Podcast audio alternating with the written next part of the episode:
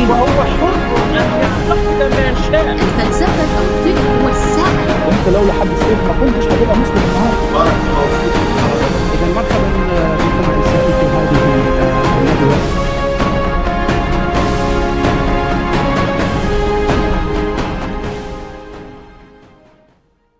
آه، مرحبا بكل المشاهدين مرة أخرى آه، في برنامج حوارات هشام. آه، معنا اليوم ضيف عزيز ما يحتاج تعريف. الأستاذ أحمد عصيد قبل ما نرحبوا به ونبداو الحوار ديالنا بغيت نعتذر لكم واحد الاعتذار كبير على هذا التأخير اللي وقع اللي هو خارج على الإرادة تماما. يعني بالعكس كنا كاع نبغيو نبداو قبل من الوقت بالفرحة لهذا الحوار ولكن للأسف وقعت مشاكل خارج عن الإرادة. فلهذا تنعتذر لكم مرة أخرى و آه، نرحبوا بالأستاذ ديالنا سي عصيد. مرحبا بك من جديد في حوارات هشام. أهلا وسهلا بك وبجميع المتابعين لهذا الحوار. مرحبا. قبل ما نبداو الحوار ديالنا آه، بغيت نذكر للناس أن آه، مدة الحوار غتكون ساعة ونصف. وغنخليو نص ساعه الأخرى غنخصوها للأسئلة. فاللي عندها أو عنده سؤال آه، للأستاذ عصيد تحتفظ به ويحتفظ به لهذا الوقت ما بعد الحوار ديال ديال ساعة. الأسئلة كلها غادي ناخذها من الفيسبوك من الصفحة ديال كازا بلا فيزا أو بالفيزا على حساب. غنحاولوا يكون الحوار الصوت وصورة كما تشوفوا ولكن اذا وقعت أي مشاكل تقنية فغادي نقلبوا الصوت فقط. يعني غيبقى غير الصوت إلا كان شي مشاكل في ال connexion ولا كان كان شي تقطيع. فاول أه، سؤال سي عصيد هو إحنا العنوان ديالنا هو التحديات الإسلام والتحديات ديال الإرهاب. أه، كل شيء شاف العملية الإرهابية اللي وقعت في إمليل ديال الذبح ديال السائحتين. أه بغيت نعرف منك من سمعتي الخبر أول مرة يعني يلا فقتي في الصباح ربما جاتك رسالة أو دخلتي للفيسبوك. من شفتي الخبر أول مرة؟ واش واش تفاجأتي لأنك ما كنتيش متوقع أننا نوصلوا لهذه الحالة؟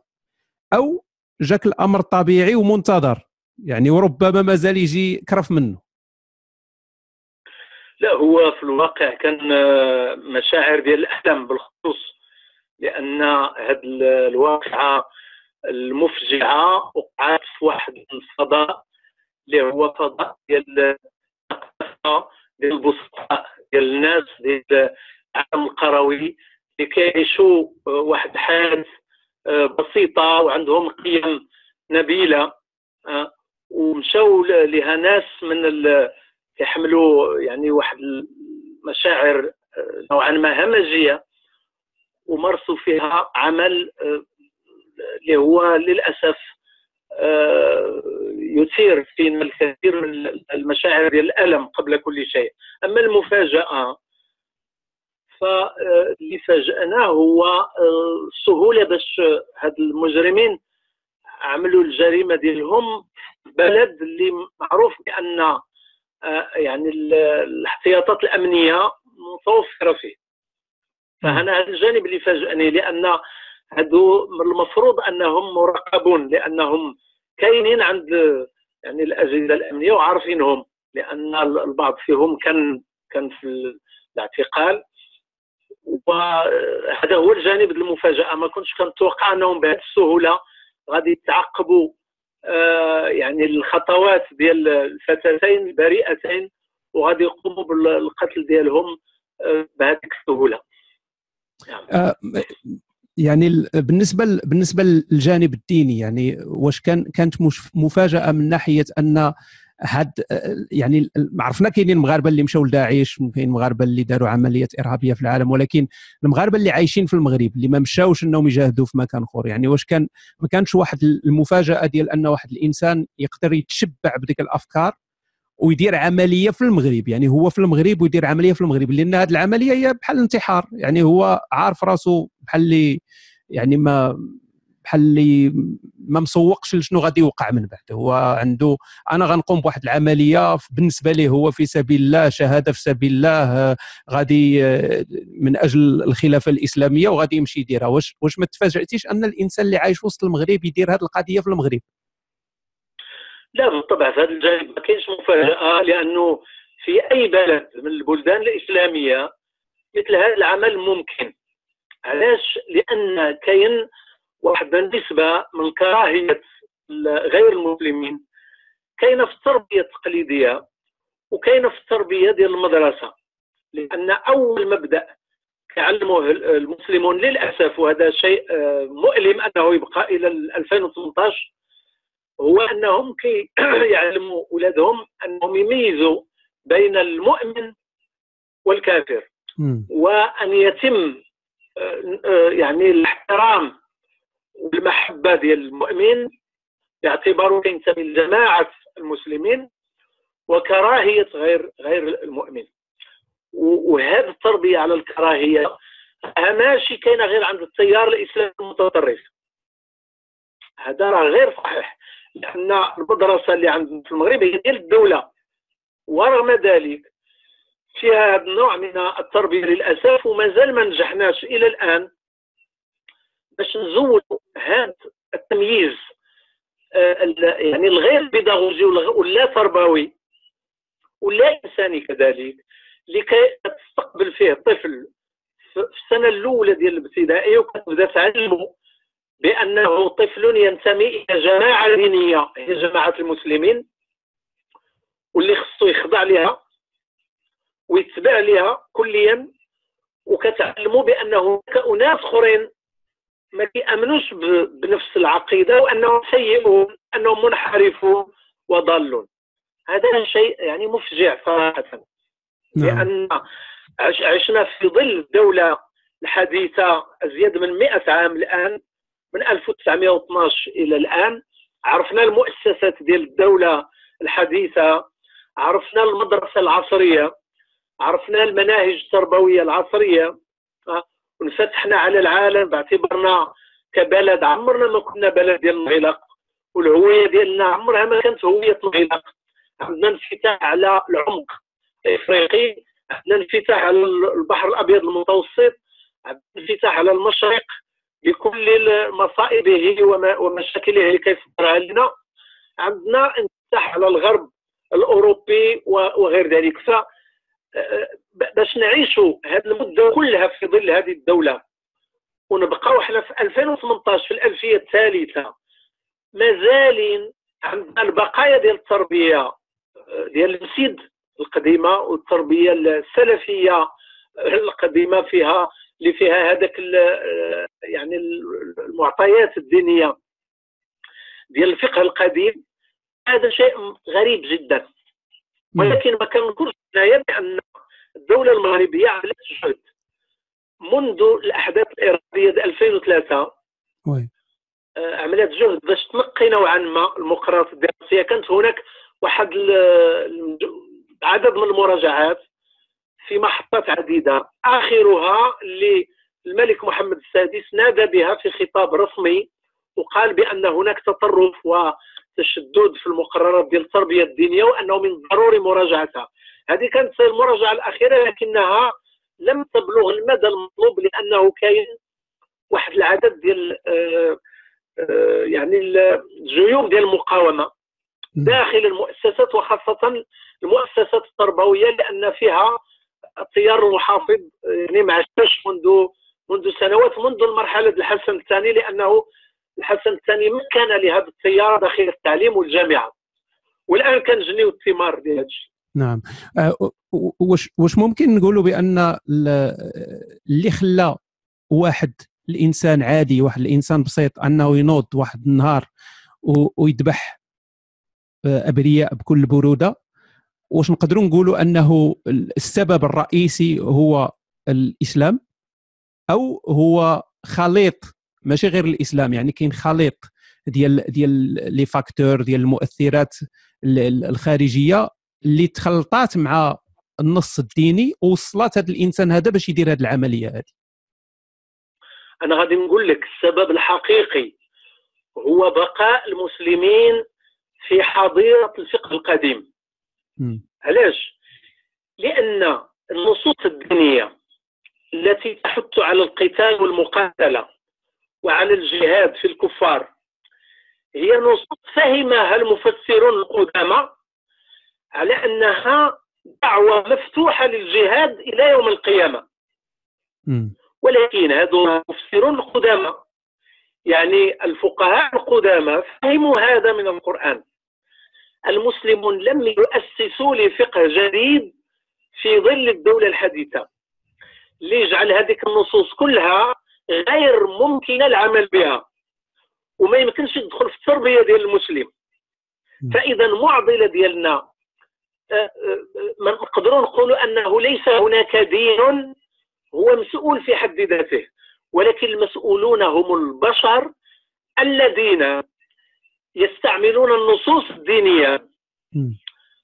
ولكن بناء على تفاسيرها القديمة. يعني كما فهمها القدماء تفهم اليوم هذا المشكل الآن راه كاين حتى في إسرائيل آه، رجال الدين المتطرفين ديال اليهود بداو كيحاولوا دابا يردوا المجتمع ديال إسرائيل والدولة ديال إسرائيل لهذيك النصوص ديال التوراة القديمة كما فهمها ال- ال- القدامى. آه، آه، كاينة أيضا واحد النزعه نصوصيه حتى في المسيحية. وهذا كله يؤدي إلى الحروب وإلى القتل. إذا في اعتقادي إلى قدرنا نبنيو منظور تنويري إسلامي غادي نوقفوا القتل وغادي نوقفوا العنف. ولكن. هذا محتاج اولا وقبل كل شيء تكون عند المسلمين الشجاعة اللي كانت عند الكنيسة باش تعلن الاعتذار للعالم على كل ال- القتل والترهيب وال- والإحراق. والمظالم اللي قفت عبر التاريخ ديالها. المسلمون كذلك فعلوا نفس الشيء. اليوم هناك مسؤولية للمؤسسات الدينية الإسلامية والمجامع الدينية الإسلامية اللي فيها الفقهاء المتخصصون أن يعلنوا أمام العالم بأن النصوص المعتمدة في كراهية الآخر وفي قتله وذبحه وغير ذلك هي نصوص لم يعد يمكن العمل بها لأنها ترتبط بسياقات لم تعد قائمة ولا يمكن أن تعد. دابا هاد هاد ولا يمكن أن تعود هو اللي فيه المشكل عند المسلمين. لماذا؟ لأنهم يعتقدون بأن الخلافه ستعود وأنهم سيعودون إلى تطبيق هذه النصوص. وأنا أرى بأن هذه الخلافة عمرها ما غترجع التاريخ لا يعيد نفسه. الخلافة تجربة تاريخية. خاضها المسلمون وفشلوا فيها لأنهم انتهوا إلى أسوأ مصير. هذا الشيء اللي وصلت له الأمبراطورية العثمانية من ظلم شنيع ومن قتل وتشريد للشعوب بكاملها واغتصاب للنساء واغتصاب للأراضي ويعني قرون سوداء مرت على البشرية. سواء الشعوب شمال افريقيا والشرق الأوسط أو الشعوب الأوروبية. مع المحنة اللي عاشوها مع الأمبراطورية العثمانية. ف 1924 انهارت هذه التجربة وانتهت وعمرها ما غترجع. اللي ممكن اليوم يعملوه المسلمون هو أن يؤسسوا لدول ديمقراطية ديال المواطنة وديال سمو القانون وديال الكرامة الإنسانية وديال المساواة وديال السلام مع العالم. وديال المحبه ما يمكنش المسلمين يعيشوا في سلام مع العالم إلا بقاو كيفهموا النصوص الدينيه كما فهمها الطبري وابن كثير والقرطبي وتفسير الجلالين وابن تيمية وابن حنبل و يعني محمد بن عبد الوهاب راه ما يمكنش راه إلا بقاو في هذه القوقعة ديال الفكر الديني القديم. سيستمر القتل وتستمر الفتنة لأنهم يعتقدون بأن هذه دعوة مفتوحة. لأن من بين المصائب اللي ضربت الفكر الفقهي الإسلامي. هو ما يسمى بالناسخ والمنسوخ. الفقهاء المسلمون يعتقدون بأن سوره التوبة وآيات القتال والمقاتلة هي آخر ما نزل. نعم. وينسخ جميع الآيات المتسامحة والتي تدعو تعتبر أنه من شاء فليؤمن ومن شاء فليكفر وتدعو إلى حسن معامله اليهود والنصارى وكذا مم. فاذا هذا الاعتقاد بأن الآيات هذه الإيجابية وهذيك القيم النبيلة اللي فيها منسوخة جعلهم يعتقدون بأن إعلان الحرب على العالم هو دعوة مفتوحة على على التاريخ ولهذا غادي تلقاو في العربية السعودية مثلا الأساس والمرتكز ديال النظام التربوي السعودي مم. أول عبارة فيه. الجهاد قائم إلى يوم القيامة. مم. هذه والفقرة. الموالية تقول وعلى المسلمين نشر الإسلام في جميع بلدان العالم بكل الوسائل. وعملوا نقطة. ما قالوش بكل الوسائل السلمية أو الحضارية. لا بكل الوسائل. نعم. فهذا نموذج ينعكس في هذا النظام التربوي السعودي. هو في الواقع في قرارة نفوس الفقهاء وعقلياتهم وكذلك المواطنين البسطاء. بلا ما نهضر على التيار المتشدد والإرهابي. كاين هذه الفكرة. وأنا أرى بأنه لكي تستقر أوضاع المسلمين ويعيشوا في سلام مع الآخرين عليهم أن يعلنوا من خلال مرجعياتهم الدينية بأن من الغلط اعتماد نصوص القتال والمقاتلة كدعوة مفتوحة إلى إلى الحرب وإنما ينبغي ربطها بالسياقات والقول بأن هذه السياقات لا يمكن أن تعود. نعم. هو, هو, تكلمت على يعني التجربة ال- في الأديان الأخرى وان وفعلا يعني أنا كذلك يعني تنقول بأن الأديان كلها مبنية على فكرة أنا ضد الآخر. يعني إحنا ها إحنا يا مزيانين إحنا خوت كل شيء مزيان والآخر هو ذاك المخالف أو الكافر أو وطبعا في الدين الإسلامي كاين توابع لهذه الكلمة ديال الكافر اللي هي خطيرة جدا. آه، لكن واش يعني هاد ال- هاد هاد القضية ديال الحرفية ديال الدين أو أننا نمشيو واش النص ناخذوه حرفيا ولا ناخذوه مجازيا؟ آه، واش ما تظنش أن كاين فرق ما بين الإسلام وبين الأديان الأخرى. لأن الإسلام إلا جينا نقولوا أوكي آه، غادي نشوفوا الدين شنو فيه آه، غادي نلقاو مشاكل. لأن عندنا الصحابة عندنا الناس وعندنا الرسول وعندنا الصحابة اللي داروا واحد الأمور. يعني مؤسس الديانة بين قوسين داروا واحد الأمور وجاو ناس من موراه وداروا ديك الأمور داروها. فإلا جيت أنايا دابا وقلت بأن راه داك الشيء خاص ماشي صحيح. غيجي عندي واحد اللي مؤمن وعنده الحق غادي يجي يقول لي وما يمكنش. وراه الرسول صلى الله عليه وسلم قام بهذه الأمور وجاو الصحابة من موراه وقاموا بهذه الأمور وكانوا تيديروها في وقته ولم ينكر عليهم وكانت الأمور مزيانة. في المسيحية نقدر نقول لهم لا المسيح راه مثلا راه ما كاينش شي نصوص أن المسيح ذبح شي شي قبيلة ولا أمر بالقتال ولا أخذ الجزية ولا دار ولا دار ولا في اليهودية نقدروا نربطوا بعض الأمور الشعائر الطقوس نربطوها بالهيكل ونقولوا هذا الشيء راه عنده زمان ومكان وما كاينش تبشير في اليهودية وما كاينش جهاد طلب وما كاين. ولكن كيفاش غادي نقنع واحد المسلم بسيط عادي أن راه حقا راه داكشي اللي دار الرسول صلى الله عليه وسلم وداكشي اللي داروا الصحابة رضي الله عنهم راه كان غير في واحد الوقت. أيوا يعني هو ما يقبلش يقول لك أودي راه هاي النصوص وهذه الأمور راه دارت وما حتى واحد ما بدل فيها شي حاجة أنا غادي نقول لك شنو هو العامل اللي غادي يحسم في هذا الشيء إلا تبعتي الإسلام كما يتحدث عنه أهل الاختصاص ديالو أي الفقهاء. عمرك ما غتخرج من الدوامة مم. أنا كنتكلم على ضمير جديد كنهضر على جيل جديد من المتخصصين في الدين. حداثيون أصلا. وكنهضر على أنظمة سياسية. قررت بإرادة سياسية إيقاف الحرب مع العالم. وقررت إنهاء هذه المآسي. اما الا ما كاينش الإرادة السياسية والأنظمة؟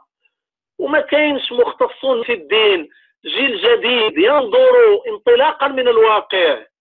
وانطلاقا من تجارب الماضي. ويتعلم الدروس ديال ديال ما جرى في العهد المسلمين إلى اليوم. فراه المشكل غيبقى على ما هو عليه. نعم. الدعوة التي اوجهها أوجهها انطلاقا من أنه لا بد للمسلمين أن يعتبروا بأخطاء الماضي وما يعاودوش يكرروها. وأن يعتبروا أيضا بأن السياق الراهن اللي كانوا فيه هو السياق جعلهم في ذيل البشرية. هما الاخرين في كل الترتيبات. ولهذا مطروح عليهم أنهم يراجعوا أنفسهم. والصدمات اللي كي اللي غتجي غتلزمهم بهذا. مثلا الإرهاب اللي وقع في العراق وفي سوريا وفي اليمن وفي ليبيا هو دروس بليغة. دروس بليغة جدا لأن هناك من اعتقد بأنه ما زال سيقيم دول دينية ويعمل فيها الشريعة. طيب أه، لما داعش سيطرت على الموصل كيف عاملت المواطنين؟ اشنو عملت معهم واش واش عطات شي نموذج جميل اللي نقدروا نتبعوه؟ ما عطات إلا الرعب. جبهة النصرة ديال الاخوان المسلمين في سوريا المناطق اللي سيطرت عليها عطات شي نموذج رائع متفوق على البلدان المتقدمة. هذا الشيء اللي كيعملوه الآن نفس التيار في ليبيا واللي كيعملوه الحوثيون وخصومهم في اليمن. اللي جوعوا الآن جوج المليون د الناس وردوا الكوليرا من بعد ما قضوا عليها قضوا عليها الأطباء المجاهدون ضد الأمراض منذ أزيد من 100 عام كيردوها الآن لليمن. أليست هذه دروس اللي خص فيها بانه ما مضى قد مضى وعمرهم يمكن ابدا يستردوا ولكن للأسف المنافع المادية والمال ديال البترول خلق عبيد ديالو ومنهم الفقهاء والدعاة. الفقهاء والدعاة أنا كنأكد لك. نعم. بأن ما كاينش فيهم اللي غيطلع لشي منبر ولا غيقول شي كلمة في الدين إلا تقطعوا عليه الفلوس. مم. المناضلون من أجل قضايا هما إحنا. اللي ما عندنا لا فلوس ولا كنهيجوا الناس ولا كنقلبوا على الأتباع والجماهير ولا كنقلبوا نوليو زعماء. ورغم ذلك نناضل من جيوبنا مع العلم أننا لسنا أغنياء لأننا نؤمن بقضيتنا وهي قضية الكرامة الانسانيه وقضية الحرية. ولكن هذوك الناس زول لهم الآن أنهم علاش كيتسابقوا على الدعوة على الإرهاب؟ لأن فيه الفلوس. حيد هذوك الأموال. وقل لهم يمشوا في ذيك الطريق. ابدا لأنهم لا قضية لهم. نعم. فهذه هي الحقيقة. فإذا الدعوة التي وجهتها قائمة وأعتقد بأن المسلمين واحد النهار قد يلقوها ضروري لهم أن يعلنوا موقفا حازما بأن الإسلام يتضمن الكثير من القيم الإيجابية والإنسانية وها هي موجودة أيضا في القيم في البلدان الأخرى. وفي تجارب الشعوب الراقية ولكن في الإسلام أيضا قيم مرتبطة بمجتمع لم يعد موجودا وبسياق تاريخي لم يعد قائما وبدولة لم تعد قائمة. نعم. دابا المصيبة اللي إحنا فيها شنو هي؟ هو أن الدولة اللي كانت موجودة أي الدولة الخلافة أنتجت فقها لحاجاتها بمعنى كان عندنا واحد الفقه إسلامي يستجيب لحاجات دولة الخلافة. أشنو وقع؟ طاحت دولة الخلافة. كان خص الفقه يمشي معها وفي إطار الدولة الحديثة غنعملوا فكر ديني جديد. لا استمر الفقه التراثي القديم في ظل الدولة الحديثة أشنو وقع؟ وقع تصادم بين الفقه القديم ومرتكزات الدولة الحديثة وبقاو المسلمين كيقتلوا بعضياتهم. وكيتصادموا وكينشروا الكراهية لهذا السبب. ما هما قدروا يردوا الدولة الدينية؟ ولا قدروا يتخلصوا من الفقه القديم. هذا هو المشكل اللي إحنا اللي إحنا عايشين فيه اليوم؟ وهذوك الناس اللي مشاو كيذبحوا آه، النصرانيات مساكن اللي هما جايين من من من أرقى بلدان العالم. الدنمارك والنرويج اللي هي نماذج رائعة جدا ها، مشاو كينتقموا منهم. آه، بالقتل الشنيع يعني هذوك الناس هما نتاج هذا التصادم هما نتاج هذا المفارقة اللي كنعيشوا أننا في ظل دولة لها قوانين وضعية وما زال الفقه التراثي قائما وندرسه في المدارس وفي, نعم، نعم. الجامعات دابا يلا. يلا مؤخرا واحد الطالب من مدينة فاس بعث لي في في الواتساب الدروس اللي كيقريهم واحد الأستاذ تما. أستاذ ديال الدراسات الإسلامية في فاس. كيقراهم الحدود. يعني القطع اليد والرجم بالحجارة والجلد وكذا كيقول لهم هذا هو العدل. هذه الجامعة المغربية في 2018 والدولة لا تطبق هذه الأشياء. كيفاش يخرجوا هاد الطلبة؟ غادي يخرجوا كيعتبروا بأن الدولة كافرة. لأن ما كتطبقش داكشي اللي لا لا تحكم بحكم الله. نعم. فوالا. والنتيجة هي التصادم بين هؤلاء الشباب وبين الدولة. ولكن شكون اللي خلق ديك الشعبة اللي فيها هذا الأستاذ؟ عملها الحسن الثاني في 79 80 عملها باش يواجه بها اليسار ويواجه بها الثورة الخمينية. وإذا بها كتخلق لنا مغرب آخر. اللي ولا مدبز مع الدولة ولاو الشباب مدبزين مع مواتهم ومع بواتهم ولات عندنا الفتنة داخل الأسر. هذا الأستاذ الجامعي اللي كيقري الحدود في الذهن ديالو عايش الفقه التراثي ديال دولة الخلافة وكيشعر بالغربة وهو عايش في الدولة الحديثة وعنده لاكارت ناسيونال عنده بطاقة تعريف وطنية ديال المغرب وعنده جواز سفر مغربي ولكنه ذهنيا مغترب في عالم آخر. هذه معضله كيعيشها عدد كبير من المواطنين. وهذا سبب هذا التمزق الذي الذي تعيشه الشخصية الإسلامية. والعلاج ديالو سيكون طويل المدى ولكن لا بد من إرادة سياسية ولا بد كذلك من ظهور نخبة نيرة من المختصين في الدين. هذه راه ضروريه لأنها في أوروبا كانت أساسية في الحسم والانتقال إلى أزمنة جديدة هي الأزمنة الحديثة. تخيلوا معي لو لم يكن مارتن لوثر ولو لو لم يكن العديد من رجال الكنيسة اللي كانوا تنويريين وقامت بانقلاب على الكنيسة نفسها. سواء في مجال العلوم مثل ما فعل كوبرنيكوس أو في مجال قراءة الأناجيل وتجديد القراءة ديالها ونشرها بلغات القوم. نعم. يعني الدوارج أو العاميات ديال الأوروبيين هذه ثوره حقيقية. لو لم يكن هناك من قام بالثورة من داخل المنظومة الدينية ما كانش غيوقع لعلنا. نفرضوا نفرضوا ذكرتي مجموعه النقط سي عصيد.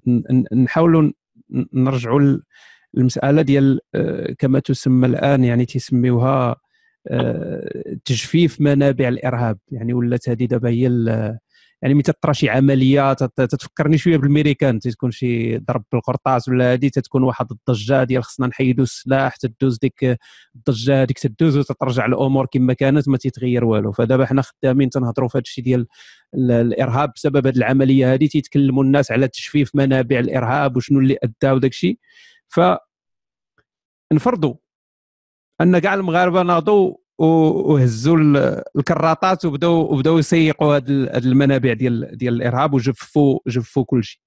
واش ما تتشوفش أن المشكل راه ماشي في التجفيف المشكل هو في ذاك الروبيني اللي غادي يبقى محلول ذاك الروبيني اللي هو النصوص الدينية وعلى رأسها القرآن إلا هضرنا على الإسلام.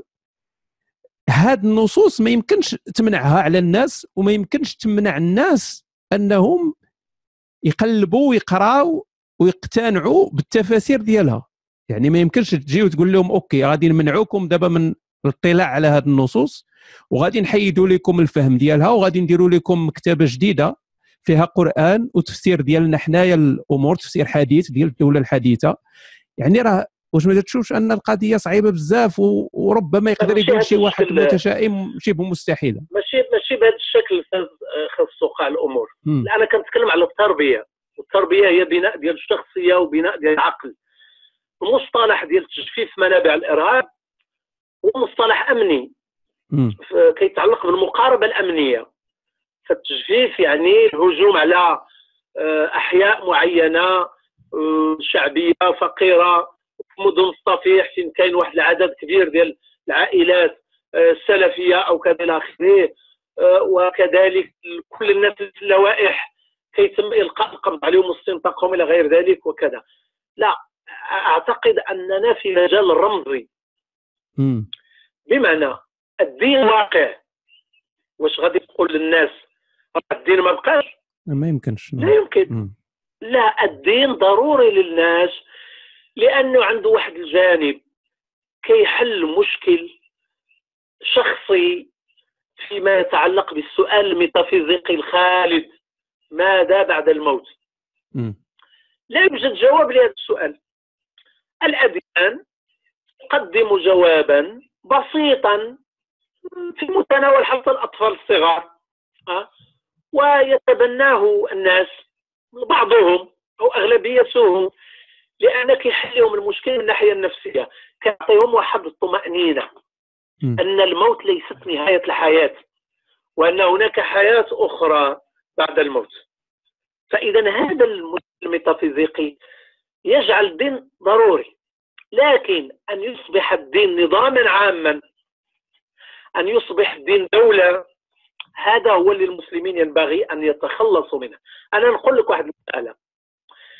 لو أن المسلمين يحسموا في موضوع أن الدين ليس سياسة وليس دولة وأن الدولة موضوع توافق بين التيارات السياسية المختلفة ومكونات المجتمع وأن الدين ينبغي أن يبقى في المستوى الشخصي أي القناعات الفردية.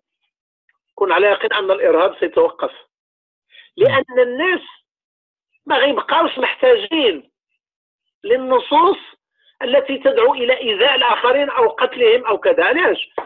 لأن آيات الجهاد وأحاديث الجهاد والقتال والمقاتلة مرتبطة بالدولة.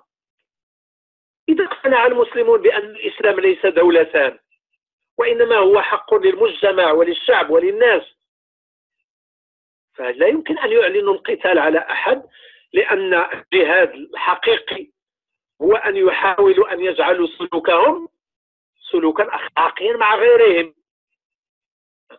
هذا هو يعني الاتجاه الذي ينبغي أن يتجه إليه الوعي الديني. نعم. وهنا أستحضر الكلمة الرائعة والراقية للدلاي لاما. دلاي لاما قال كلمة من أعمق ما قرأت وسمعت.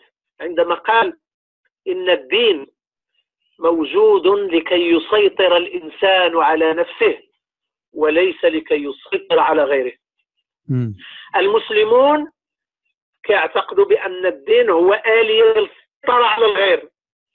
م. ولهذا عندنا حزب هنا في المغرب كيجري يطلع للانتخابات وكيجيب الفلوس من قطر ويجيبهم من الداخل ومن الخارج باش يستولي على الجماعات ويطلع للبرلمان باش يسيطر علينا باسم الدين. هو يعتقد بأن هذا هو الجهاد الكبير. بينما هذا ماشي شغله؟ إلى قادر يحل مشاكل المغاربة في الاقتصاد والمجتمع ويصلح القوانين ويرقى بالمستوى ديال الحياة ديال المأجورين ويضمن الكرامة فمرحبا غادي ننتهوا به. أما اذا كان كيعتقد بأنه غيدخل فيها باش يسيطر دينيا على الناس فكنقولوا له داك الشيء اللي قال الدلاي لاما إن الدين موجود لكي يسيطر الإنسان على نفسه. وليس لكي يسيطر على غيره. إلى وقفت هذه النقطة فقط عند المسلمين. انتهى الإرهاب. وما غيبقاوش الناس محتاجين لجميع الآيات التي هي موجهة إلى الدولة. قاتلوا!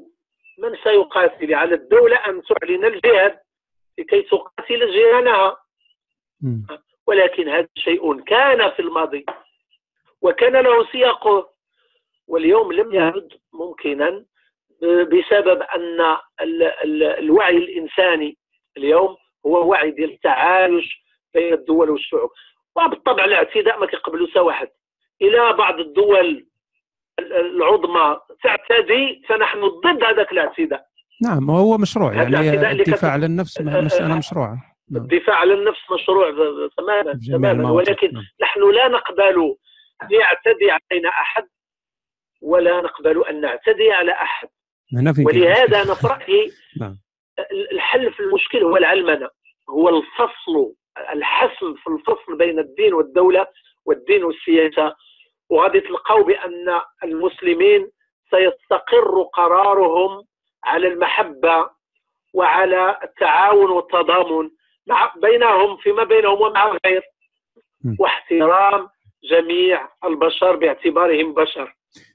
سي عصيد شنو شنو هو دور نقد الدين آه، بكل أساليبه هذا النقد هذا؟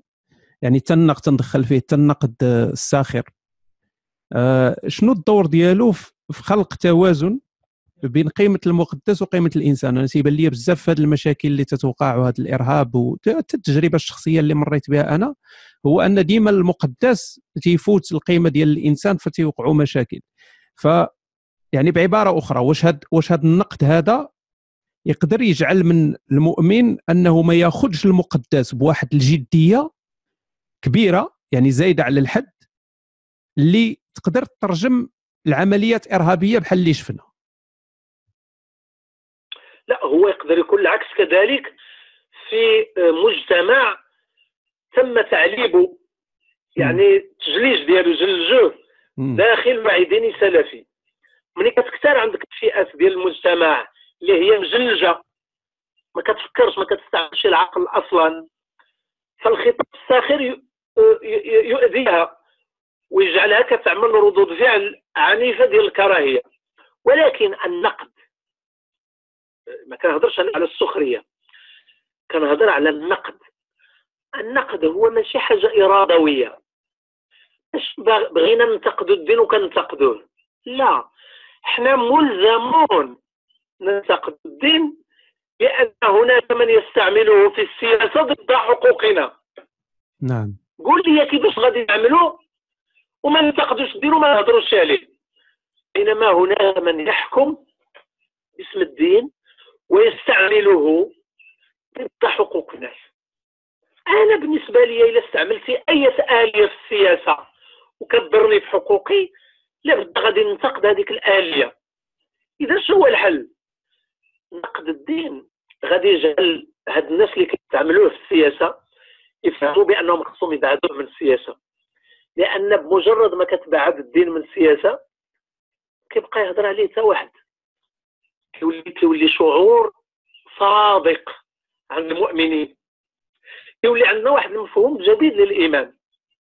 لأن خصنا ثوره في مفهوم الإيمان.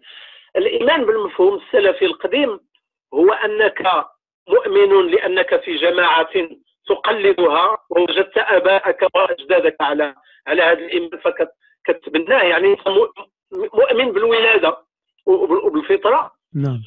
ولكن أنت مسؤول على ائمه اخرين خاص تحضرهم وتراقبهم وإذا شفتي شي واحد خرج واعي هذاك الإيمان خاصك تعيط على البوليس باش تعاقبه وكيعيشوا الناس في واحد حالة استنطار وما كاينش سلم فيما بينهم وما كاينش ثقة وكاين بزاف ديال النفاق والكذب. دابا مفهوم الإيمان الذي ندعو إليه. هو الإيمان الفردي المبني على اختيار ديال إنسان بالغ عاقل ماشي الأطفال. انما ما نخلوش الأطفال في في, في, في السياسة. لما شي واحد كيستعمل الدين في السياسة باغي يصنع مجتمع على مقاسه وكيبدا يشحن الاطفال من الصور ديالهم. الاطفال الصغار دابا اللي كيعطيونا في الفيديوهات هذا حافظ القرآن هذا كيخطب في الناس كيعظهم وكيدير الموعظة هذا طفل صغير كتسول المدرسة ديالو أين يوجد الله؟ كيقول لها في السماء كطرح عليه أسئلة.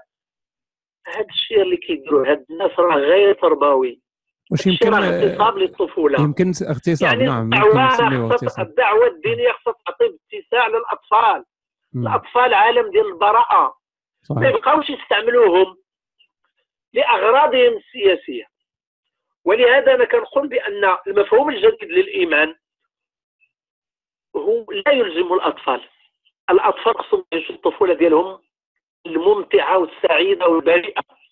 ولكن لما يوصلوا لسن النضج العقلي والجسماني والفيزيولوجي وكتولي عندهم طاقات ديال التفكير المستقل والشخصية المتميزة كيختاروا بحريه واش بغاو عقيدة أو ما بغاوهاش وشكون هي في العقائد اللي عجبهم أما باش نبداو نربوه في القطيع. ونعتقد انه واحد النهار غادي نعملوا إقلاع اقتصادي وسياسي واجتماعي وحضاري. ابدا. عمر شي إقلاع ما غيكون لأن القطعان لا تنهض ولا تصنع حضاره ولهذا أنا كنقول بأنه نعم. لابد من الانتباه إلى أن نقد الدين يفرضه تسييسه واستعماله في الدولة.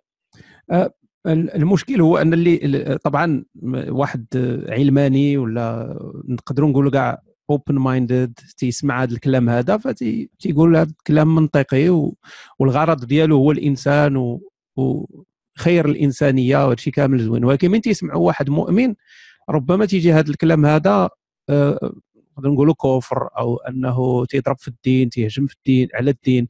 فشفنا حالات الناس اللي كفروك شفنا حالات اللي شوف سي هشام اللي كيسمع هذا الكلام اللي كنقولوا ما عجبوش راه ما عنده غرض في الدين.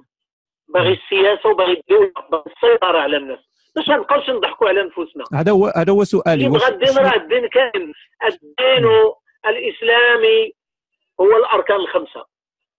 صافي يدير ديك الأركان الخمسة ويطبقها في حياته الخاصة. غادي يكون مؤمن طيب ومزيان ولكن خصو يكون عنده ضمير مهني ويجي في الوقت الخدمة.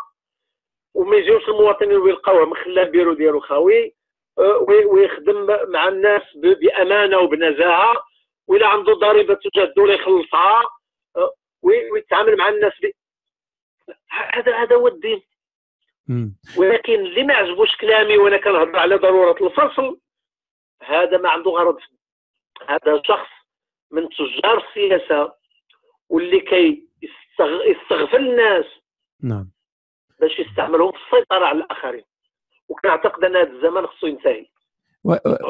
كيفاش كيفاش انت يعني أو شنو رأيك في الناس اللي اللي تيستعملوا النصوص اللي تكلمتي عليها اللي قلتي عندها السياق ديالها وعندها وطبعا كاينة أحاديث كثيره وهذه اللي تيستعملوها ضدك انت. يعني هما بحال تقول تيجيشوا الناس ضدك بهذه النصوص هذه تيقول لك وشوف هذا السيد هذا تيقول بأن راه هذا الشيء عنده سياق الدين لا يصلح لكل زمان ومكان خصنا نحبسوه ما نستعملوش هذه خصنا نحيدوا هذا الشيء من المقررات نحيدوا هذه الآيات ما نخدموش بها.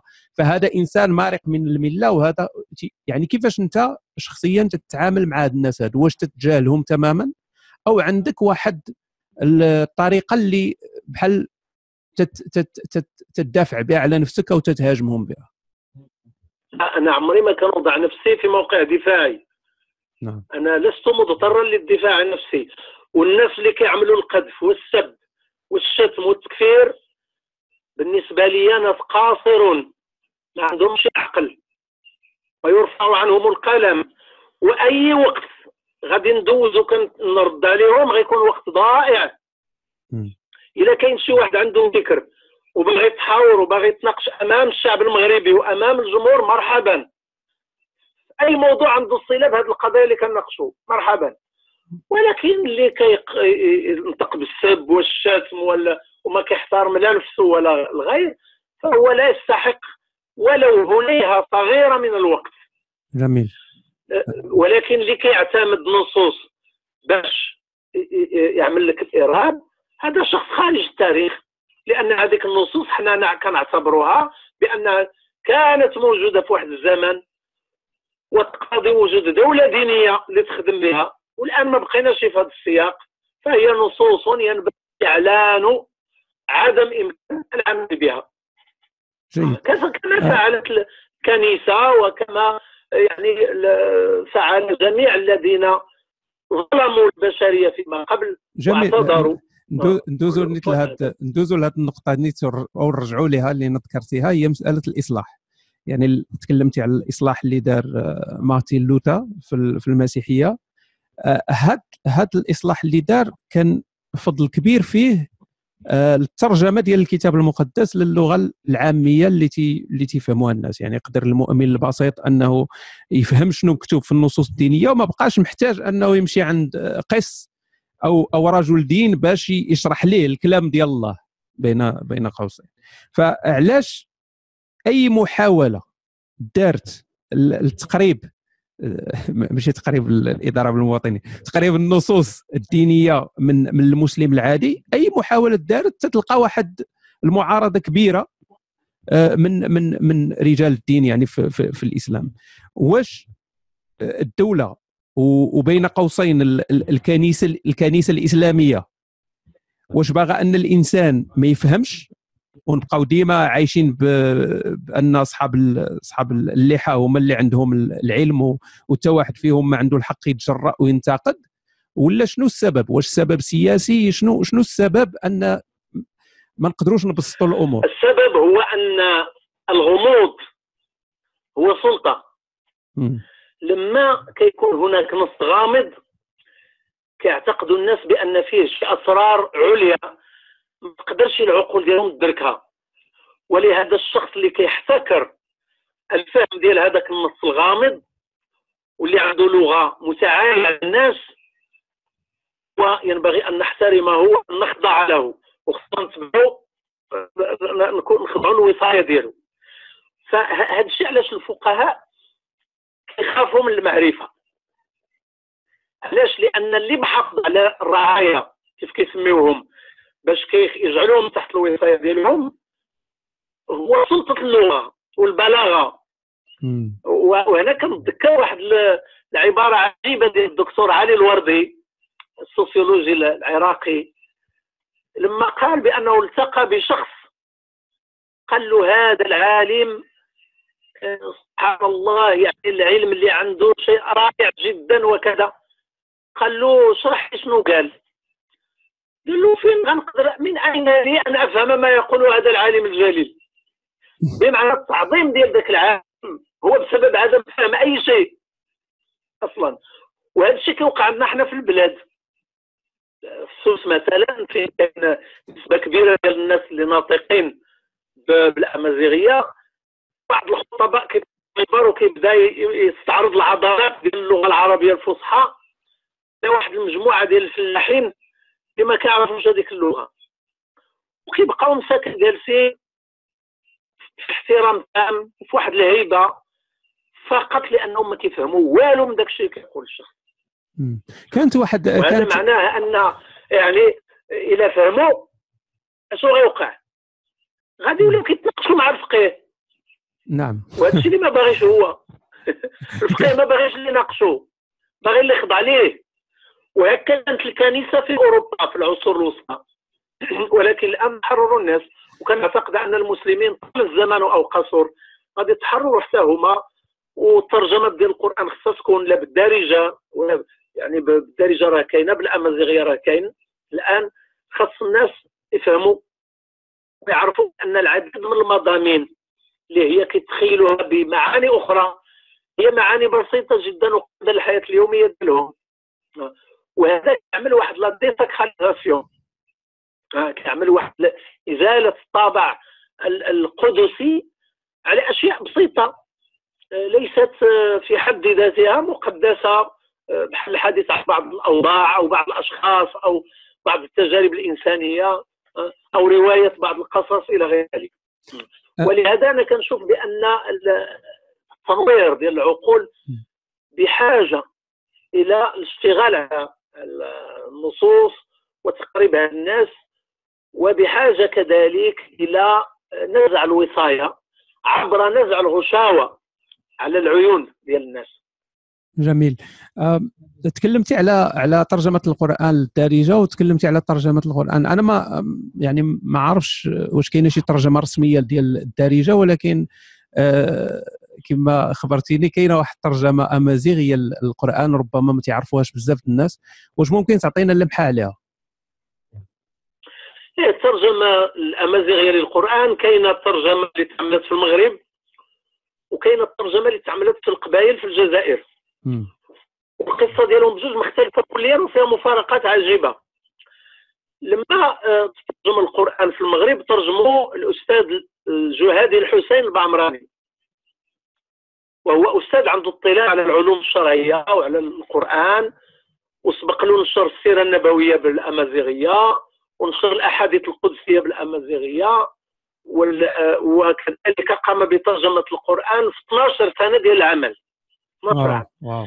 لما صرح للصحافه بأنه ترجم القرآن ولكن مازال ما نشروه هاجمته المخابرات في هذاك الوقت عام 1999 قبل وفاة الملك آه، الحسن الثاني ببضعة أشهر.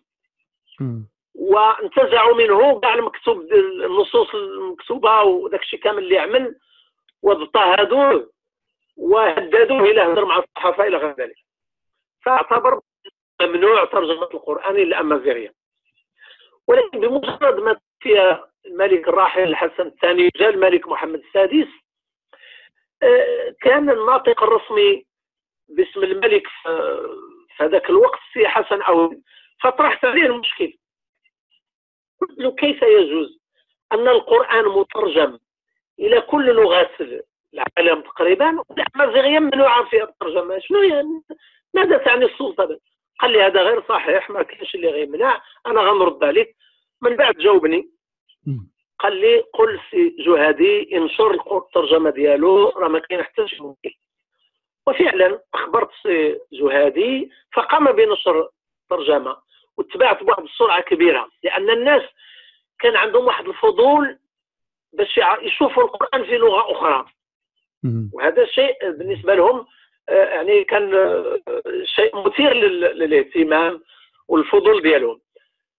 بطبيعة الحال آه، البعض تجاوب مع هذا العمل بشكل سلبي. بحال بعض الناس في الحركة الإسلامية اللي اعتبروا أن هذا تمييع مثلا السي أحمد الريسوني الدكتور أحمد الريسوني اللي كان رئيس ديال يعني حركة التوحيد والإصلاح.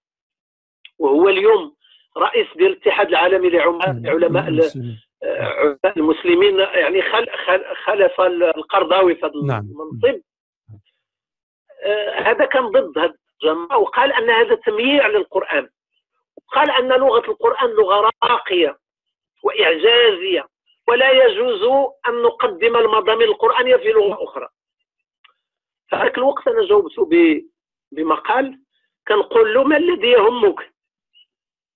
واش كيهمك المضامين ديال الوحي يوصلوا للناس باش يأمنوا؟ ولا كتهمك البلاغة والزواق ديال الجمل؟ شنو شنو بغيتي؟ أنا ك... أنا عرفت التحدي اللي فتحته في ذاك الوقت لأنه غادي يحرج الفقيه. علاش؟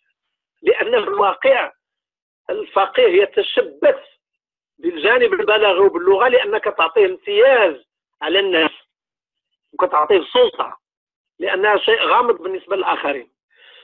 فيما بعد غادي آه، يكتب الدكتور سعد الدين العثماني مقال متميز وإيجابي ينوه فيها بالترجمه وفي نفس الوقت كانت هناك رسالة تهنئة من السي احمد توفيق وزير الاوقاف والشؤون الإسلامية للسي حسين الجهادي على الترجمه وهنا يعني بطبيعة الحال اصبح الأمر طبيعي.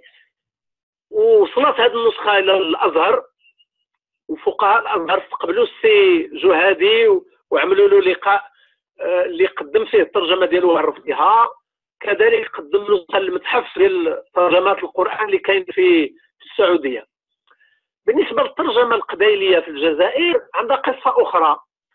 فبسبب انتشار المسيحيه في منطقة نعم القبائل ووجود الكنائس حيث كاين دواوير كثيرة فيها ناس مسيحيون فقررت السعودية أن تمول الترجمة الأمريكية للقران في الجزائر وصدرت يعني هذيك الترجمة آه، يعني راه عندي هنايا كاملين الشركة تتكلم فيه الآن هذه هذه هي الترجمة القبيلية آه القرآن. وكاينة الترجمة ديال السي جوهدي الحسين كذلك راه عندي هنايا في شي كذا. آه. غادي غادي نلقاها. و آه، هذا كيبين بأن موضوع الترجمة هو رهان. فيه شد وجذب بين التيارات كذلك لأن كل واحد علاش كراهن في في الترجمة. ولكن أنا أعتقد بأن ترجمة الكتب المقدسة شيء مهم في تحرير العقول من أصنام الماضي وأصنام الفقه القديم. نعم. هذا ما حدث مع الكنيسة ويحدث كذلك مع المسلمين. أه، واش أه، أوكي الأمازيغية أنا ما عرفتش يعني كيفاش دايرة الترجمة واش هي فعلا بسيطة يقراها واحد أمازيغي ويفهم شنو شنو كاين في القرآن.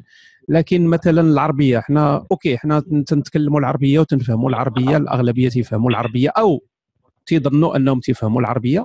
فالقرآن العربية ديالو صعيبة ما سهلاش أه، يعني تقدر تقرأ آيات القرآن وما تفهم فيهم حتى شي حاجة ما, ما, ما تيعطيوك حتى شي معنى ما واش ما تيحتاجش ما تيحتاجش المغرب أن نديروا ليه واحد الترجمة بالدارجة أن الناس يفهموا المعنى ديال الكلمات بالدارجة. يقدر يجي واحد يقول لك لا راه أنت غادي تنزع شوية القداسه على الناس وغايقول لك عاوتاني تتميع. ولكن واش ما يمكنش تكون مبادرة من الناس اللي هما من داخل التيار الديني أن بغينا الناس يفهموا. أنا مثلا ملي كنت ناشط في المسجد. سابقا. فكنت تنحاول الناس اللي كبار في السن وتنعرف بأنهم ما تيفهموش العربية ولا عندهم صعوبة كنت نشرح لهم بالدارجة باش يفهموا. فعلاش ما نلقاوش من التيار الإسلامي اليوم من الناس اللي هذه يقول لك حنا بغينا الشعب يفهم الدين بغينا يقرأ القرآن ويفهم اش واقع واخا واخا نديروا ليه غير ترجمة بالدارجة في الهوامش. لا هو كاين فرق بين بين الشرح والتفسير بالدارجة وهذا شيء معمول به منذ القديم. مثلا آه، سلمان الفارسي كان يشرح القرآن للفرس بالفارسية. وكان يشرحه للناس الناطقين بالعربية كان كيشرحوا بالعربية. فليس آه، هذا هو المشكل. المشكل هو النص القرآني يمكن أن ينقل إلى الدارجة. أنا لا أعتقد بأن الفقهاء يقوموا بهذا العمل حاليا. علاش؟ لأن ما زال عندهم ذاك الرغبة في جعل الوصاية ديالهم. صح. ولكن أعتقد بأن المدافعين على الدارجة اللي كيعتبروا أنها ممكن تمارس الكثير من الوظائف آه، خصهم هما يعملوا هذه التجربة هذه لأن الوظيفة الدينية أيضا كتقوم بها الدارجة يوميا من خلال الشرح والتفسير اللي قلتي. فقط يكون فيها النص ولكن المشكل ديال الفقهاء أو المتدينين عموما هو أنهم لما كيسمعوا العبارات بالدارجة على أنها ترجمة للقرآن لا يصدقون بأن هذا ما كيبقاش ما كيبقاش عندهم القران يقول لك لا هذا ليس قرانا خصو يكون بهذيك العبارات والجمل الأصلية. وهنا كتولي البلاغة والصياغة البلاغية للآيات. هي هي الغاية ما كيبقاش المعنى ماشي الفهم. ما كيبقاش المضمون. ولهذا أغرق الناس في الحديث على اعجاز اللغوي في القرآن إلى غير ذلك. ولكن الحقيقة أن لغة القرآن ما هي إعجاز إلا بالنسبة للشعوب الإسلامية ليست عربية لأنها لا تفهم شيئا.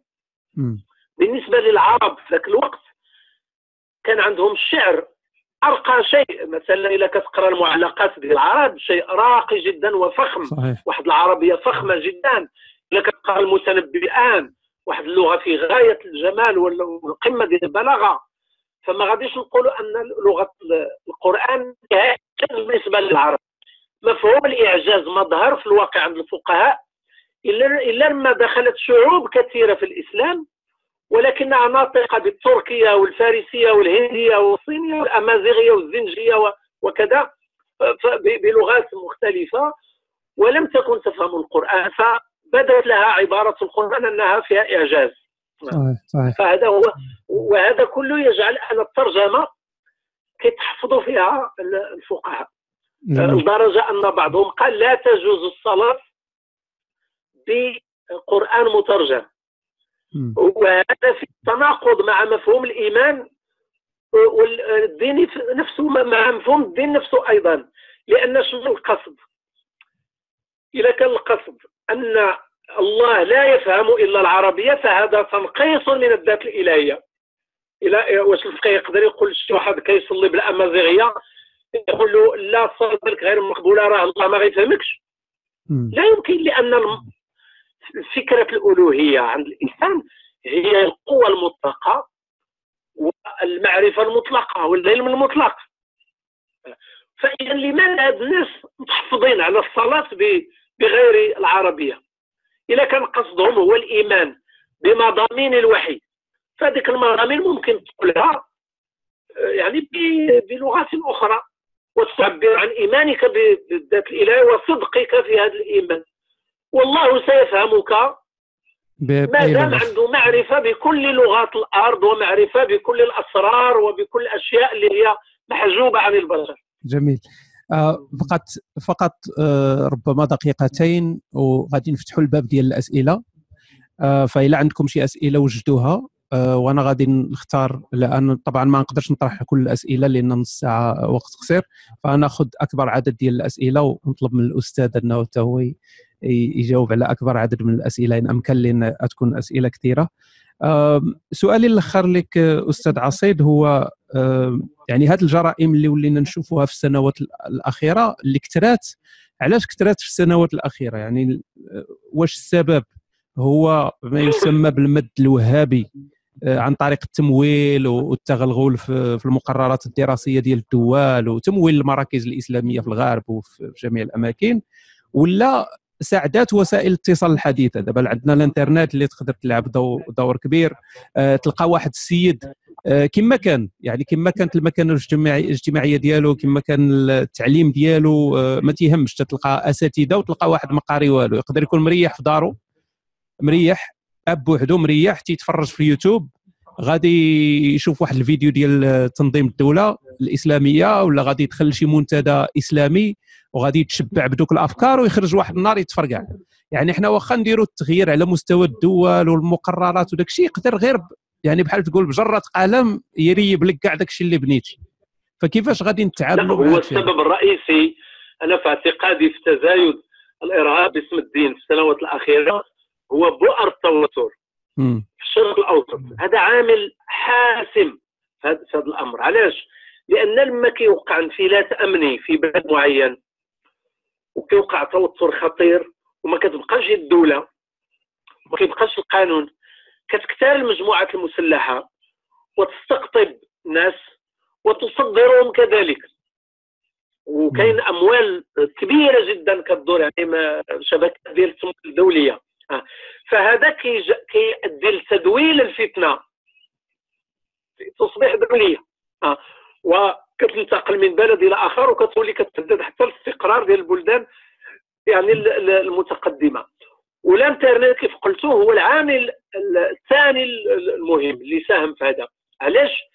لأن الآن كتلقى أطفال وشباب كيغلقوا على أنفسهم في الغرف ديالهم وكيبقاو كونيكتي يعني آه، متصلين بجهات لا يعرفها الآباء وال- والأسرة. وهذا كيؤدي لتكوين خطير. نعم. وبطبيعة الحال هنا في هذه القضية ديال التكوين عبر الإنترنت أنا بغيت نشير لواحد المسألة نذكرها على الناس هذو اللي كيسبونا ويشتمونا إلى غير ذلك. علاش كنهضروا على النصوص؟ راه تكوين ديال الإرهابيين تستعمل فيه النصوص. صحيح. وحنا ماشي كنفهموا هذيك النصوص. بغينا هاد الناس اللي هما أهل الاختصاص يعرفوا بأن الطريقة ديال التربية الإرهابية تستعمل فيها نصوص دينية. ولا يمكن ابدا السكوت عن تلك النصوص أن يحل المشكل لأنها تستعمل. ثم خصنا نخرجوا من واحد التناقض. واحد التناقض خطير كيعيشوه المسلمون. وهو أنهم كيتشبثوا بهذيك النصوص وكيعتبروا أن الإسلام كل غير قابل للتجزئ. وفي نفس الوقت كيتبراو من من اللي استعملها أو طبقها. لاحظ معايا. إنه آه، آه، واحد كيعتبر أن السائحتان كافرتين لأنهم ماشي مسلمات وكيقتلهم وكيذبحهم. معتمدا على التربية اللي تلقى واللي استعملت فيها نصوص لها سياقات قديمة لا يمكن أن تعود وهذا هو الغلط اللي ارتكب والناس كيستنكروا هذا الفعل الشنيع وكيقولوا لا علاقة لهذا بالإسلام. ملي كتقول لهم اودي هذه النظر تكونوا على نصوص لا يقبلون كيرفضوا. فهذا تناقض. صحيح. لا بد في رأيي من قيام المرجعيات الدينية بعقد مؤتمر دولي ديال البلدان الإسلامية المرجعيات الدينية في البلدان الإسلامية لكي تعلن أمام العالم. بأنه لا يمكن نهائيا استعمال النصوص التي كانت مرتبطة بالدولة الدينية. وأن القول بأن الإسلام صالح لكل زمان ومكان المقصود به القيم الإنسانية الكونية التي ما زالت مشتركة بين المسلمين وغير المسلمين في عصرنا هذا ومستقبلا يا أنا يا يا, يا أن ريت. هذه المسألة يعني هذه المسألة أساسية آه، جدا. ولكن باش نبقاو نكرروا في عبارات وجمل لا تحل المشكل. هذا عبث وضياع ديال الوقت صراحة. شكرا آه، أستاذ عصيد. آه غنفتحوا الآن الباب ديال الأسئلة و... وأنا تنعتذر مسبقا لأن دائما تتوقع هذه القضية هذه ما, نقدرش نطرح كل الأسئلة لأن نص ساعة وقت قصير. فإلا تكرم علينا الأستاذ عصيد وجاوب على أكبر عدد من الأسئلة نكون له شاكرين. فالسؤال الأول أستاذ عصيد آه، في رأيكم ما هو توجه المغرب الحديث؟ هل المغرب يخاف من تغيير نحو العلمانية؟ ثورة آه، ضد الشاه الإيراني كمثال.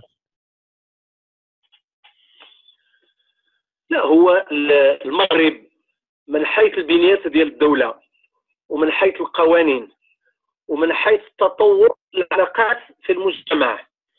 من حيث وضعية المرأة والكفاءة ديالها والنجاح ديالها في عدد من المرافق. كنعتقد بأن المغرب مستقر في مسلسل ألمانة. وخصو يكون على ثقة بأن مستقبله هو أن يكون دولة القانون والمواطنة بالمعنى المتعارف عليه عالميا. وراه عمل واحد في 2011 لما أعلن هذا في دستوره.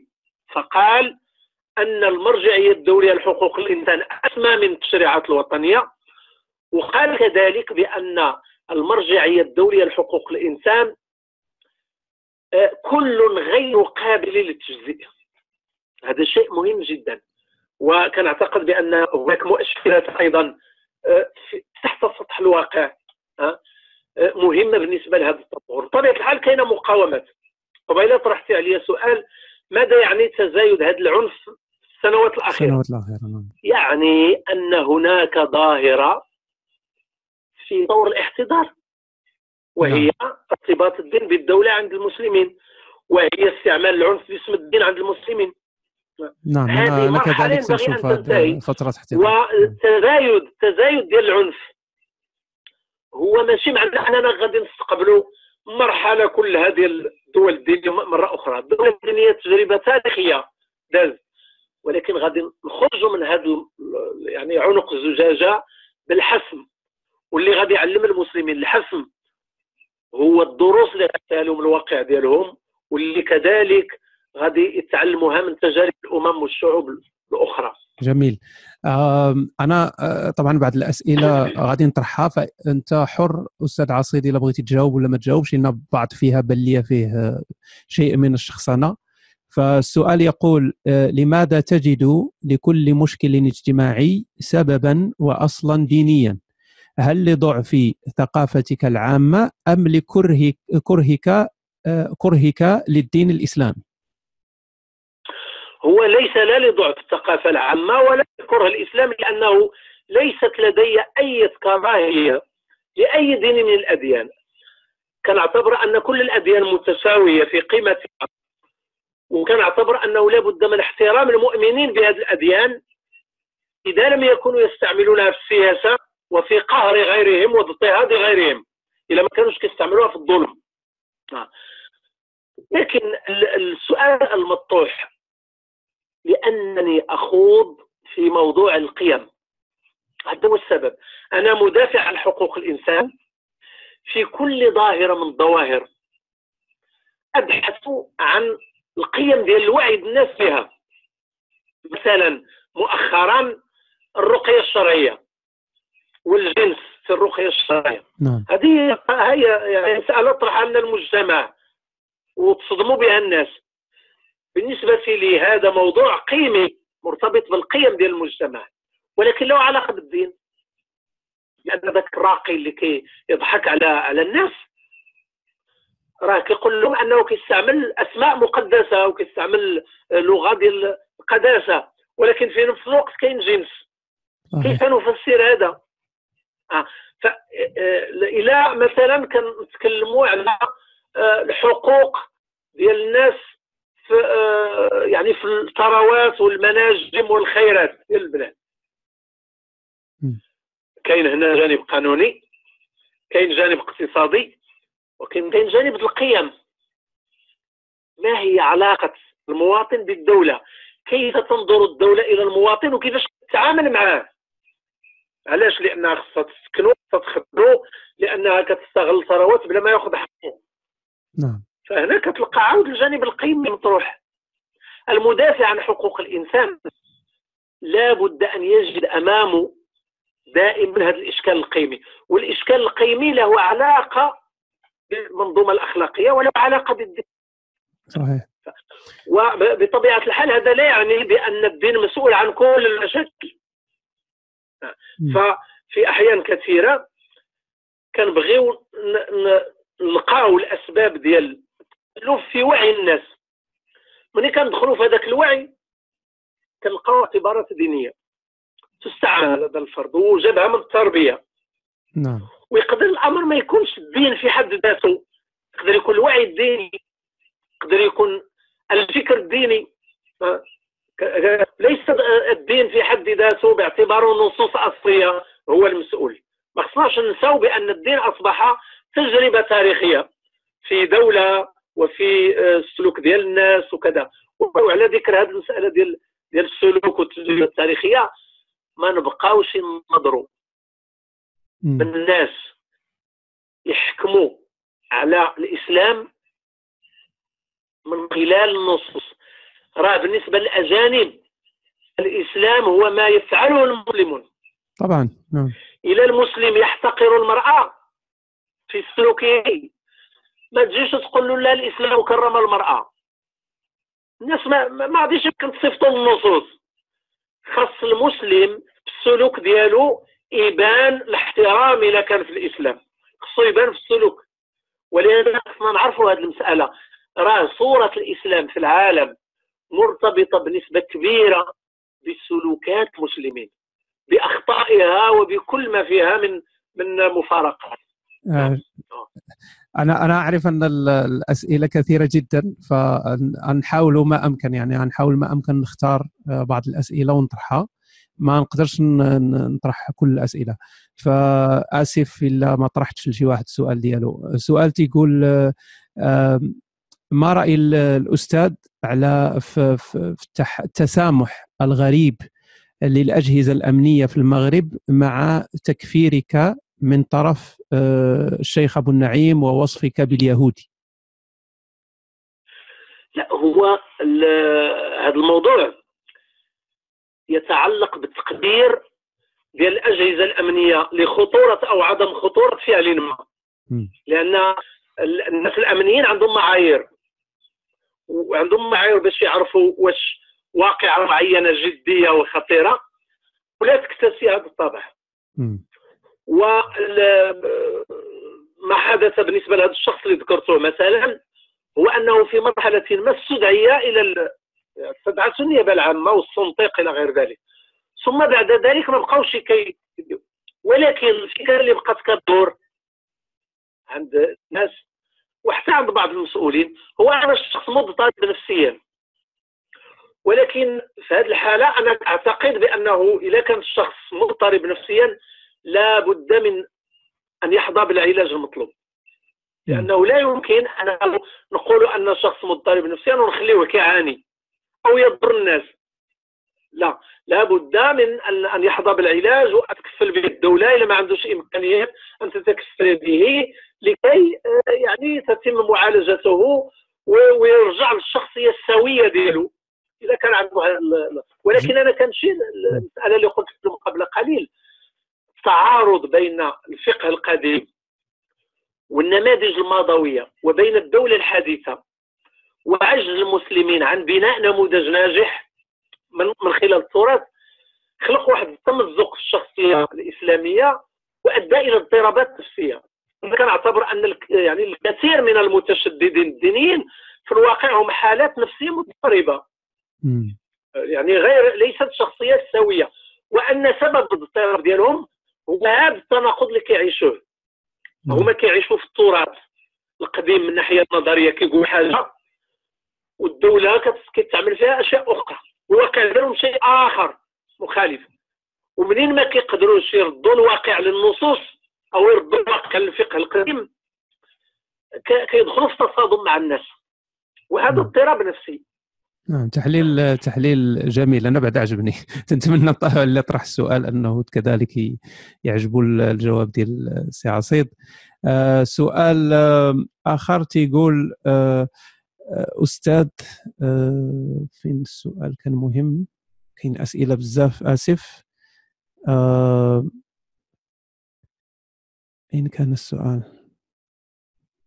آه قال ما العمل مع مشكلة المعلمين المبرمجين على الدين؟ والذين يربون الأطفال الصغار يعني واحد مبرمج على الدين. فتيجي تي واخا يكون تيقري أي حاجة تيدخل لهم دائما الدين وهذا الشيء ربما عاشوه المغاربة كاملين.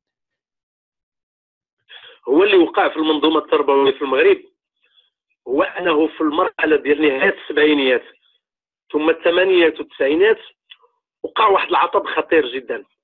هو أن الدولة لبت على على العامل الديني داخل المدرسة اولا باش تكلمي النفوس اللي تهدن الناس وتواجه كذلك اليسار الماركسي واليسار الإصلاحي وكذلك تواجه الثوره الخمينية. فمنين تزادت الشحنات ديال التشدد الديني في المدرسة وفي وسائل الإعلام؟ في هذاك الوقت السلطة جابت منظرين ديال الاخوان المسلمين وعطاتهم الجامعة والتلفازات والإذاعات. التلفازة اللي كانت وحدة ذاك الوقت إذاعة كذلك كانت وحدة. وجابوا كذلك منظرون آه، يعني وأموال سعودية وفتحوا مدارس سلفية في المغرب قرآنية وانتشرت وصبحت المئات. فهذا أدى واحد المسألة داخل التعليم وهو أنه اعتبرت المادة الدينية. وهذا شيء خطير جدا. اعتبرت المادة الدينية هي المؤطرة لجميع المواد. هي المؤطرة للمدرسة ككل. بينما يتعلق الأمر بالمدرسة العصرية وليس بالمدرسة العتيقة بالقرويين والمدرسة العصرية عندها منطق خاص وعندها فلسفتها وعندها أسسها ومرتكزاتها الخاصة التي ليست دينية. فشنو اللي عندنا أصبح أستاذ الفيزياء يدرس الفيزياء بالدين ويكذب على التلاميذ ويقول لهم هذه الآية تعني هذه النظرية والحقيقة أنه لا علاقة. أصبح أستاذ العلوم الطبيعية يدرس العلوم الطبيعية بالدين. أصبح الأستاذ ديال الرياضة كيتكلم في الدين. أستاذ اللغة العربية أصبح خلاص أستاذ ديال الدين. ونسي الأدب ونسي القصص ونسي الشعر الجميل وكذا إلى آخره. ولا كيعمل الدين. حتى هو. الكتاب المدرسي ديال اللغة العربية حط فيه 50 صفحة الأولى. ليس فيها لا أدب ولا لغة فيها الدين. هذا مشكل حقيقي. هذا هو الذي أدى للمعضله اللي كتكلموا عليها اللي هي أنه اصبحوا عندنا مدرسين آه، يعني مكونين فقط نوع من الوعي وكيدخلوا المدرسة مكلفين بمهمة. ومكلفين بهذه المهمة من تنظيمات خارجية عن عن المدرسة. نعم. لأن الناس اللي صيفطوا هاد المدرسين كيعولوا لخلق جيل لهذه التنظيمات. من أجل الاستيلاء الدولة بعد المشروع هكذا عامل لا الإخواني ولا السلفي الوهابي. بحال بحال. نعم ولا نفس ولكن بجوجهم في النهاية آه، خلقوا فتنة في المجتمع للأسف وخلقوا اضطراب كبير. ما خلقوا لا نهضه لا علم لا شيء. نشروا الخرافه حتى ولات الرقية الشرعية كيخدموا فيها أساتذة جامعيون كيكتبوا الرقية الشرعية للناس. والآن كيعيشوا أزمة خطيرة جدا. الإخوان المسلمون فشلوا في مصر فشلوا في تونس فشلوا في المغرب وفشلوا في الانتخابات في ليبيا ما قدروش يطلعوا. وفشلوا في جبهة النصره في سوريا ما قدروش ينتصروا على بشار الأسد. وانهزموا رغم أن فقهاء البترول تابعين لقطر. وعلى رأسهم القرضاوي عملوا إعلان كي يدعون إلى الجهاد في سوريا. شوف هذه الحكمة هذه ديال هاد الناس. هل هؤلاء فقهاء؟ نعم. كيصيفطوا أبنائهم للجامعات الكبرى في العالم ويبعثون بأبناء المسلمين إلى القتال في سوريا؟ فشلوا في كل هذا المشروع ولم ينجح الإخوان في الاستيلاء على الدولة لا في سوريا ولا في العراق ولا في أي من جانب آخر الوهابيه السعودية أيضا اصطدمت بمشكل كبير هو أن أمريكا غيرت خطتها. أمريكا كانت لها خطتان خطة مع السعوديه لترويج وهابية العالم ضد المعسكر الشرقي اللي هو الاتحاد السوفيتي في ذلك الوقت. أزيد من 35 سنة. وكانت خطة مع قطر لجعل الإخوان يطلعوا في في الأنظمة ديال شمال أفريقيا والشرق الأوسط ويفوزوا في الانتخابات وهذه الدول لما يستولوا عليها الإخوان غادي يكونوا الخادم طيع لأمريكا. وغادي يخدموا المصالح الأمريكية لأن أمريكا كانت تعتقد بأنه إذا طلعت تيار ديني معتدل كما كيسميوه وهو ليس كذلك الحقيقة غادي يخدموا المصالح ديال أمريكا لكن لما خرجت ملايين إلى الشارع المصري ضد محمد مرسي كتبت هيلاري كلينتون عندئذ غيرنا خطتنا. فتخلوا على قطر اللي هي الآن محاصرة ولكن أيضا وهذه السياسة ديال ترامب حاليا قال للسعودية بأنه سيستمر في حمايتهم من المد الشيعي وحماية العائلة الحاكمة من الشعب السعودي. ولكن في مقابل ترك التطرف وتطليق الوهابية. اذا الوهابية كتعيش محنة والإخوانية كتعيش كتعيش محنة. وهذا سيجعلنا يعني خصنا نبذلوا جهد من أجل تكوين أجيال جديدة من المدرسين. لأن الأجيال الحالية للأسف تأثرت بهذا يعني الوباء ديال التشدد الديني اللي جانا من الشرق للأسف وأفسد مدرستنا وأفسد على الخاص بين المواطنين ونشر كثير من الكراهية والتشدد حتى داخل الأسر لدرجة أن الفنون ديالها اصبحت محاربة. نعم للأسف. الآن في عدد من المناطق. كي كيعطيو جمعيات ديال هاد الناس كيعطيو أموال باش في العرس ما يكونش الرقص والغناء والطرب ويجي شخص واحد ويقرأ القرآن كما لو أنهم في جنازة. وكتنفق أموال على هذا. عجيب. فانا أنا كنشوف بأن خاص عمل كثير من أجل إعادة بناء هذه المجتمعات وهذه الدول ولكن لابد من توفر إرادة سياسية أكيد. لدى الطبقة الحاكمة. أكيد. سؤال يقول هل تعتقد أن المغرب يخطو إلى أخذ تونس كمثال ناجح في العلمانية بالنسبة للدول الناطقة بالعربية؟ أنا كان أعتبر بأن مسلسل العلمنة هو مسلسل لا يمكن تجنبه. علاش؟ لسبب بسيط هو أنه وحده الذي يوقف الحروب والاقتتال بين أبناء الدين الواحد بسبب المذاهب والاتجاهات وكذا إلى آخره. الآن من سيوقف الحرب بين الشيعة والسنة في العراق أو في سوريا؟ الدولة العلمانية لأنها دولة الجميع. السني والشيعي مواطنان في الدولة. والوطن للجميع والدولة تحميهما معا ولهما حق ممارسة الشعائر الدينية بالرية ولكن ليس لهما حق الاعتداء على بعضهما البعض. الدولة عليها أن تصنع قوانين محايدة. يعني هذا مسلسل طبيعي. اتجاه نحو العلمنة مسلسل طبيعي تحتمه الظروف القائمة حاليا واللي هي ظروف كارثية. فبدون علم لا أعتقد أنه سيتجاوز هذه المشاكل الحالية والمغرب يمكن له أن ينجح بالتدريج بطبيعة الحال وبحكمة ليس بإحراق المراحل وأمامنا عدة مسؤوليات. مسؤولية ترويض التيار المتطرف داخليا وجعله يتعقل ويقبل بالواقع ويقبل بأنه لا ينبغي أن يعرقل التطور الديمقراطي لأن الإسلاميين عائق كبير في طريق الديمقراطيه لأنهم لا يعتبرون الديمقراطية قيم كيعتبروها فقط آلية انتخابية. آه صحيح. الحقيقة أنه لا يمكن فصل الآلية الانتخابية على القيم فهما مرتبطين. إذا استعملت غير الآلية الانتخابية بوحدها كتعمل نظام استبدادي قهري ما كتعطيكش الديمقراطية. لابد أن ترتبط الآلية بالقيم. ولهذا ينبغي تربية هذا التيار على أن يكون ديمقراطيا. بالحوار وبالتبادل الفكري والثقافي وكذا. ولكن ينبغي أن يقبل الحوار. صحيح. حتى في القضايا الحساسة. لأنني لاحظت أنهم يهربون يهربون من الحوار. مثلا هذه عامين ونصف ونناقش موضوع الإرث المساواة في الإرث بين الرجال والنساء. نعم هذا هذا في هذا, تونس حسموا هذا موضوع السؤال ونحن اللي في المغرب. نناقش. نعم يهرب المحافظون من هذا الحوار مم. لماذا يهربون؟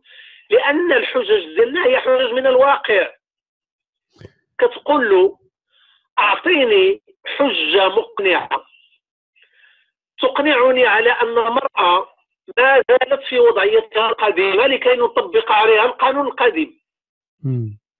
لا شيء يرتبط بالماضي. المرأة أحدثت انقلاب في الواقع ديال المجتمع ديالنا. أصبحت منتجة للثروة. أصبحت متعلمة متفوقة دراسيا بنسبة الثلثين. 67% للإناث في البكالوريا. 33% فقط للذكور. هذا في يعني امتحانات البكالوريا 2018 الصيف الماضي فقط. نعم.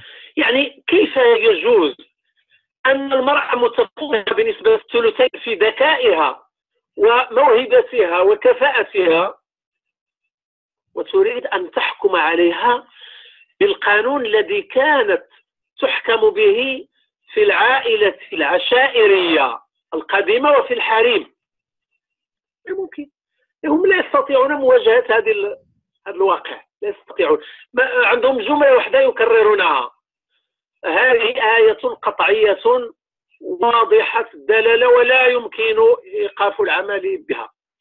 والآيات الأخرى الكثيرة اللي هي أيضا قطعية ولم نعد نعمل بها. نعم صحيح صحيح كثير. ما ما كيف كيف س- ستقولون لماذا لا تعودون إلى أسواق الرقيق وتملكون ملك اليمين وتتمتعون بالإيماء؟ أو الحدود والحدود يعطيكم الحدود. الحق. الحدود. لا يستطيعون. لأنه والحدود كذلك هذا الشخص في فاس يدرس الحدود للطلبة ولكن هل يستطيع أن يطبقها في الواقع؟ لا يستطيع فهو يتكلم في الماضي البعيد. علاش علاش السي عصيب المغرب؟ اذا اذا سي عصيب أنا أعتبر بأن الحوار الوطني ينبغي أن يشارك فيه الجميع بشجاعة وأن نعمل بالتدريج على الرقي ببلديه والحرص على عدم الظلم وعلى تحقيق العدل. لا يجوز أن المرأة تعمل وتكد وتثبت كفاءتها وذكائها ونجيو نقولوا لها لكي تشهدي لابد من اثنتين. وماشي حتى يعني الشهادة في كل شيء ماشي الشهادة في كل شيء. ليس لها ذاكره يعني تبين أن ذاكرتها أقوى من ذاكرة الرجل. نعم. أعطيني مبرر علمي واجتماعي وواقعي مقنع لكي أعتبر بأن شهادة المرأة الواحدة لا تجوز. يعني آه، مختبر علمي.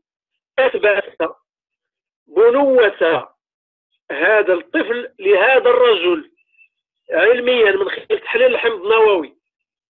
يأتي القاضي ويقول لك لا هذا غير موجود في الشريعة. نحن لا يمكن أن نعتمد نتائج التحليل العلمي. كيف يعني؟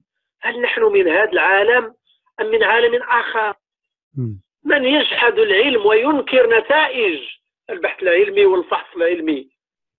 كيف يمكن أن يعدل بين الناس؟ هذه الإشكاليات الجديدة اللي إحنا كنخوضوا فيها الان في نفس في نفس السياق سي عصيد كان هذا هو موضوع السؤال اللي بغيت نطرح عليك من بعد من بين الأسئلة اللي طرحات. وهي هاد يعني واش هاد القوانين اللي باقة في المغرب اللي هي قليلة اللي مازال عندها علاقة بالدين لأن أغلب القوانين اللي عندنا هي قوانين وضعية. يعني مازال عندنا بعض الأشياء في, في الإرث وفي ال- الأحوال المدنية.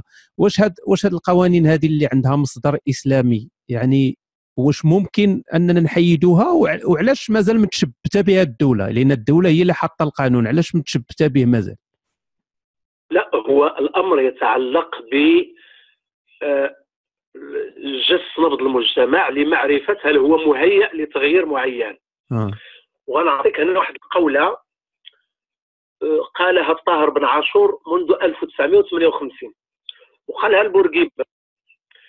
بورقيبة كان ينوي المساواة في الإرث يعني قرر منع تعدد الزوجات 57 58 و- وكانت له شخصية كاريزمية وطنية يحترمه الجميع فاستغل هذه الكاريزمية لكي يفرض إنصاف المرأة. وكان يريد المساواة في الإرث شنو قال له طاهر بن عاشور؟ قال له الرجال لا يريدون والنساء لا تطلبن مم. وهذا أمر متروك للزمن يعني ديك باغي تمزرق وتقرر واحد الحاجة مازال المجتمع ما طالبهاش الآن اصبح هناك طلب يعني الرئيس الحالي لتونس قال علينا أن نساوي بين المرأة والرجل في الإرث ها؟ واللي بغى أن يستعمل الشريعه للذكر مثل حظ الانثيين فله ذلك؟ ولكن من أراد أن يساوي بين أبنائه وبناته وكذا فله ذلك كذا فوضعوا هذا وضعوا هذا القانون. لماذا؟ يعني تونس أصبحت فيها حركه نسائية قوية كبيرة أصبحوا فيها نقابات وجمعيات مجتمع مدني قوي كذلك تغيرت الأوضاع وانقلبت راسا على العقيد فلم يعد من حق أحد أن يقول لا لم يحن الوقت بعد المغرب نفس الشيء. ماذا شنو عملنا في 2004 في 2004 عدلنا مدونة الأسرة من خارج الشارع. يعني أشياء كثيرة كانت في المدونة مطابقة للشارع فغيرناها بأشياء أخرى ليست موجودة في الشارع. هذا في 2004 في تحديد مدونة الأسرة. صح. والآن سنقوم بخطوة أخرى لأنه مرت الآن 14 سنة على المدونة الحركة النسائية المغربية الآن تطالب بمراجعة جديدة للمدونة وأن نخطو خطوة أخرى جديدة. فالمغرب في الواقع في مجال القوانين يتجه إلى الأمام ولا يعود إلى الوراء. ولكن للأسف معضلتنا الكبرى هو أننا كنغير القوانين ولا نغير العقليات لأننا ما كنعملوش التحسيس والتأطير والتربية المطلوبة لكي تلتحق العقليات بالنصوص المتقدمة. ولهذا أنا عندي ثقة بأنه بعد سنوات قليلة سنساوي بين الرجال والنساء في الإرث وسنترك لمن أراد أن يطبق القانون الديني عن رضا وعن قناعة. أن يفعل ذلك كذلك؟ أو نخليو الناس يعني علاش ما نديروش بحال الغرب؟ يعني خليو الناس هي تفرق الورث ديالها كما بغات. يعني ماشي ضروري أن. إيه هذا أيضا خيار بطبيعة الحال. نعم. وصلنا لنهاية الوقت للأسف. رغم أن الحوار آه، مشوق وكان آه، كانت أسئلة كثيرة أنا آسف للناس اللي ما طرحتش الأسئلة ديالهم. وأعتذر مرة أخرى على التأخير اللي وقع في في البداية. فأشكر جزيل الشكر الاستاذ عصيد أنه لبى الدعوة وأنه حضر معنا في هذا الحوار الجميل شكرا لك بزاف وتنتمنى نعاود نتلاقى بك مرة أخرى لأن كاين كثير من المواضيع المشوقة اللي نقدروا نهضروا فيها. شكرا, لك شكرا, عزيز شكرا لكم. أنا بغيت نقول واحد الكلمة أخيرة. تفضل عزيز هو أن الإخوان ديالنا المتدينون أو المتشددون في الدين ينبغي أن يعلموا بأننا لسنا قطيعا. نحن مواطنون نفكر وعليهم أن يتحملوا تفكيرنا ويتحملوا تعبيرنا عن أفكارنا. لأننا لسنا قطيعا لكي يجعلونا نخضع لهم بدون نقاش. هم يبحثون عن أن يحكموا علينا بالدين فليعطونا الحق في أن نناقشهم. شكرا لك سي هشام والجميع الإخوان والسيدات والسادة اللي تابعونا في هذا الحوار. شكرا لك عزيزي وربما هذه أحسن أحسن خاتي- خاتمة كان ممكن تكون. شكرا للناس كاملين اللي تابعوا هذا المباشر وأراكم قريبا في حوار جديد من حوارات هشام. شكرا. الطفل هل كنا على الرسول من الدين؟ وهو حر الفلسفة لو لحد الصيف ما كنتش هتبقى مسلم النهارده اذا مرحبا بكم اعزائي في هذه الندوه